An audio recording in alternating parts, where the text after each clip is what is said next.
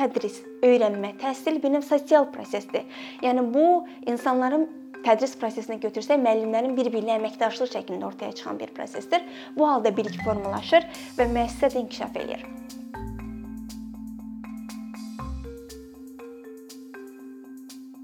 Hal-hazırda diqqət etsək görərik ki, bütün dünyada, eləcə də ölkəmizdə müəllimlərin peşəkar inkişafı, təhsil sahəsinin inkişafı xüsusi diqqət mərkəzindədir. Təhsil belə deyək, sisteminin əsas mənbəyi olan, onurğa sütunu olan müəllimlərin inkişafına isə xüsusilə diqqət ayrılır son dövrlərdə. Əgər diqqət etsək görərik ki, müəllimlərin peşəkar inkişafı daha çox təlim və treninq formasında davam etdirilir. Təlim və treninqlər bir sıra hallarda köməyimizə gəlsə də, amma əgər təhsildə köklü dəyişiklik istəyiriksə, bu o qədər də effektiv deyil. Bunu son dövrdə aparılmış araşdırmalar da sübut eləyir ki, köklü dəyişikliklər istədiyimiz zaman treninq və təlimlər çox köməyimizə gəlmir. Bəs bunlarda olan problem nədir? Niyə köməyimizə gəlmir? Birincisi ondan ibarətdir ki, təlim və treninqlər individual hal alır. Yəni kütləvi kütləyə xitab eləmir. Məsəl üçün müəyyən bir təlim keçirilirsə, buna hər məktəbdən 1-2 müəllim qoşula bilər və ya da ki, bölgələrdən bir məktəbdə məsəl üçün keçilə bilər. Bu kütləvi bir halmır hal almır. İkinci problem ondan ibarətdir ki, bu bir növ belə deyək, tədrisdə baş verən real proseslərlə əlaqəli şəkildə qurulmur. Bununla nəyi nəzərdə tuturam? Müəyyən bir təlim keçirilir, treninq keçirilir və bu təlimin, treninqdə öyrənilən materialların tədrisə keçirilməsi müəllimin üzərində qalır. Bununla nəyi nəzərdə tuturam əslində? Məsəl üçün müəyyən bir bilgi öyrən, bilik öyrənmişəm, yeni bir informasiya almışam. Müəllim olaraq bunu tədrisə tətbiq eləmək istəyirəm, lakin nə dərəcədə yaxşı tətbiq edib etmədiyimi bilmirəm. Çünki mənə rəy verən yoxdur. Davamlılıq bir növ tə təyin olunmur. Problemlərdən biri budur. Üçüncü bir problem isə əvvəldə qeyd etdiyim köklü bir dəyişiklik olmur. Bunda nəyi nəzərdə tuturam? Məsəl üçün mən bir müəllimə texniki bir bacarıq öyrədirəmsə, məsəl üçün kompüterin tədrisə inteqrasiyası, bəli, təlim köməyi ola bilər burada. Amma məsələn mən onlara tələbə mərkəzli, tələbə yönümlü bir tədris öyrədirəmsə, bu qəti şəkildə köməyimə gəlmir, hətta əks effekt verir. Bir sıra hallarda görürük ki, bu tip təlimlərdən çıxan müəllimlər, hə yaxşı oldu, indi də bütün ə, idarəni tələbələrin əlinə veririk və ya da şagirdin əlinə veririk fikri ilə çıxırlar. Yəni bir növ bu halda nəinki təlim köməyə gəldi, həmçinin həmin yeni metoda nifrət bəsləyən müəllim kütləsinin yaranmasına səbəb olur və problemlərdən biri budur. Bəs bizə bu halda nə kömək ola bilər? Dünyanın bir çox irəlidə getmiş belə deyək, müəssisələrində, tədris müəssisələrində, istər universitet olsun, istər məktəb müəssisəsi olsun, onu da qeyd edeyim ki, bu yeni gələcək həmçinin biznes təşkilatlarına tətbiq olunur. Bu nədir? Professional öyrənmə qruplarının təşkil olunmasıdır.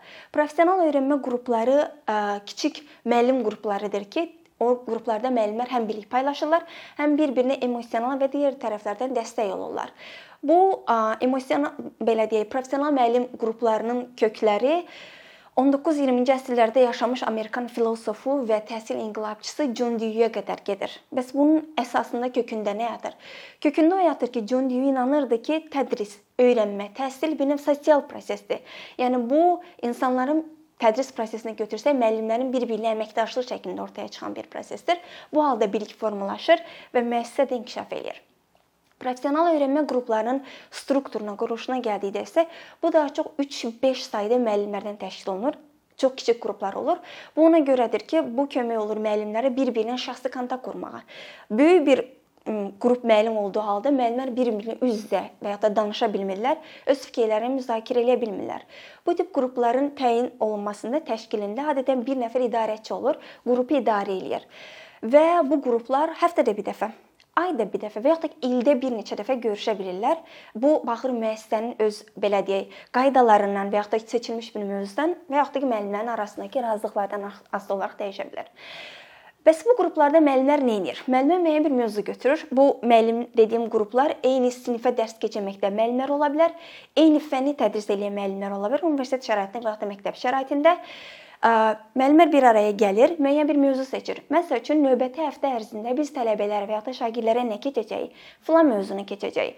Biz hardan biləcəyik ki, onlar bu mövzunu mənimsədilər? Bunun üçün bir test formalaşdırır, bütün müəllimlər eyni testdən istifadə edirlər. Əgər bilsə ki, tələbələr öyrəniblər, növbəti addımımız nə olacaqlar? Nə olacaq? Bəs öyrənməmiş olsalar növbəti addımımız nə olacaq? Beləliklə müəllimlər bu müzakirəni eləyir, amma bu müzakirə 30 dəqiqədən artıq çəkmir. Müzakirəni eləyir, gəlib siniflərinə tətbiq edirlər öyrəndiklərini və həftənin sonunda, növbəti həftə və ya da növbəti ay öz nəticələrindən gəlirlər, analiz eləyirlər. Neçə dənə tələbəm keçdi, neçə dənə tələbəm qavradı, neçə nəfər geri qalıb bu problemləri həmin qrupa gətirirlər. Müzakirə edirlər. Ola bilər ki, bir müəllimdə bu 100% alınır. Bütün tələbələr yaxşıdır. Bir müəllimdə heç kim başa düşməyib. Bir müəllimdə 50% uğurlu olub. Bunu müəllimlər özlərinə ayrılmış 2 dəqiqə müddətində öz gətirdikləri nəticələri təqdim edirlər. Və burada çox önəmli bir şeydir ki, heç bir müəllim öz çətinliyini, problemini açıq şəkildə deməkdən çəkinmir burada. Normalda necə müəllimlər siniflərə daxil heç bir şəkildə öz problemi, mən falan yerdə falan çətinliyim var deməkdən qorxur. Nəyə görə qorxur? Çünki mühakimə olacağını düşünür, haqlı olaraq. Çünki əksər hallarda digər müəllimlər onları mühakimə kim olur, bilmədiyini, peşəkar olmadığını belə deyək, vurğulayırlar. Lakin bu tip qruplarda müəllimlər öz çətinliklərini deməkdən narahat olmurlar. Açıq şəkildə problemi deyirlər və digər müəllimdən öyrənməyə açıq olurlar ki, sən nə etdin ki, bu yaxşı alındı nəticə. Bir-birinə fikir mübadiləsi edirlər və yaxud da ki, heç kim də yaxşı almayıbsa başqa bir yol tapırlar və onu tətbiq edirlər. Bu professional öyrənmə qruplarının çox müsbət tərəfləri var. Müsbət tərəflərindən biri odur ki, əməkdaşlıq edən, bir-birinə dəstək olan bir müəssisəyə çevrilməsinə səbəb olur həmin məktəbin. Müəllimlər nəinki bir-birinə rəqabət apar, sadəcə bir-birinə dəstək olmağa çalışırlar. Belə ki, getdikcə və indiki dövrdə də elədir ki, müəllimlik bir növ yalnızlaşan müəssisədir. Yəni daha doğrusu peşəyə çevrilir. Müəllimlər sinifə girir, sinifdən çıxdıqda görüşəndə sadəcə o danışıqlar daha çox şikayətdən ibarət olur. Tələbələr oxumur, şagirdlər oxumur və ya da ki, administrasiyadan qanunlardan şikayət edirlər. Təbii ki, bir sıra hallarda haqlıdırlar, onları qınamırıq. Lakin bu tip professional öyrənmə qrupları bu tip şikayətləri hər şeyi kənara qoyur. Sadəcə hərəkət yönümlü bir qrupdur. Və bu qruplar formalaşmamışdan əvvəl mütləq şəkildə onların yazılı bir şəkildə qaydalar olur.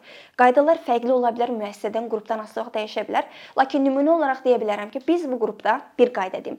Biz bir qrupda qəti şəkildə şikayət eləmirik, yalnız pozitiv dil istifadə edirik. Bu kömək olur ki, müəllimlərin əlavə problemləri kənara atıb sadəcə hərəkətə fokuslansınlar. Yəni bu qrupa gəldikdə hər şey kənarda qalır. Və məsəl üçün ola bilər ki, hər müəllim sadəcə 2 dəqiqə danışa bilər. 2 dəqiqə öz nəticələrini deyir, hər kəs öz nəticəsini təqdim edir və sonra müzakirə olunur.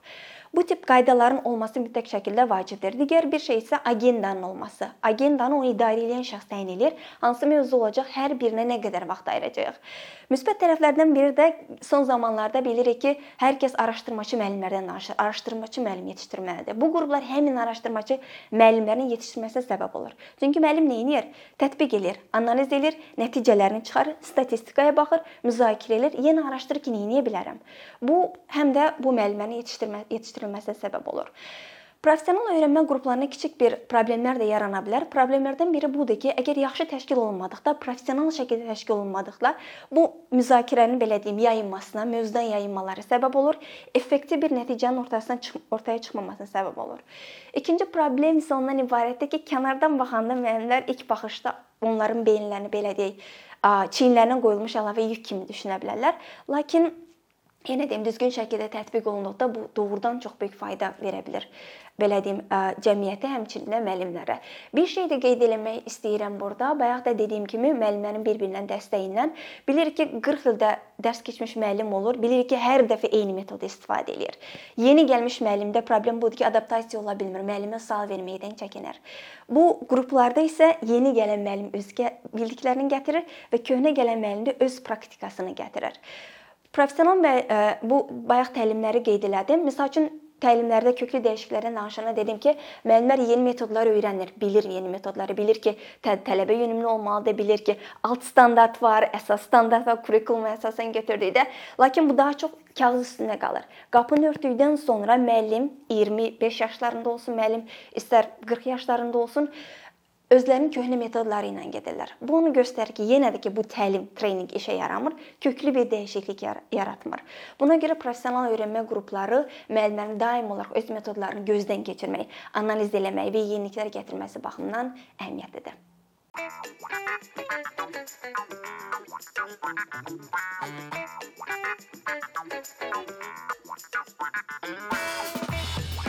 you.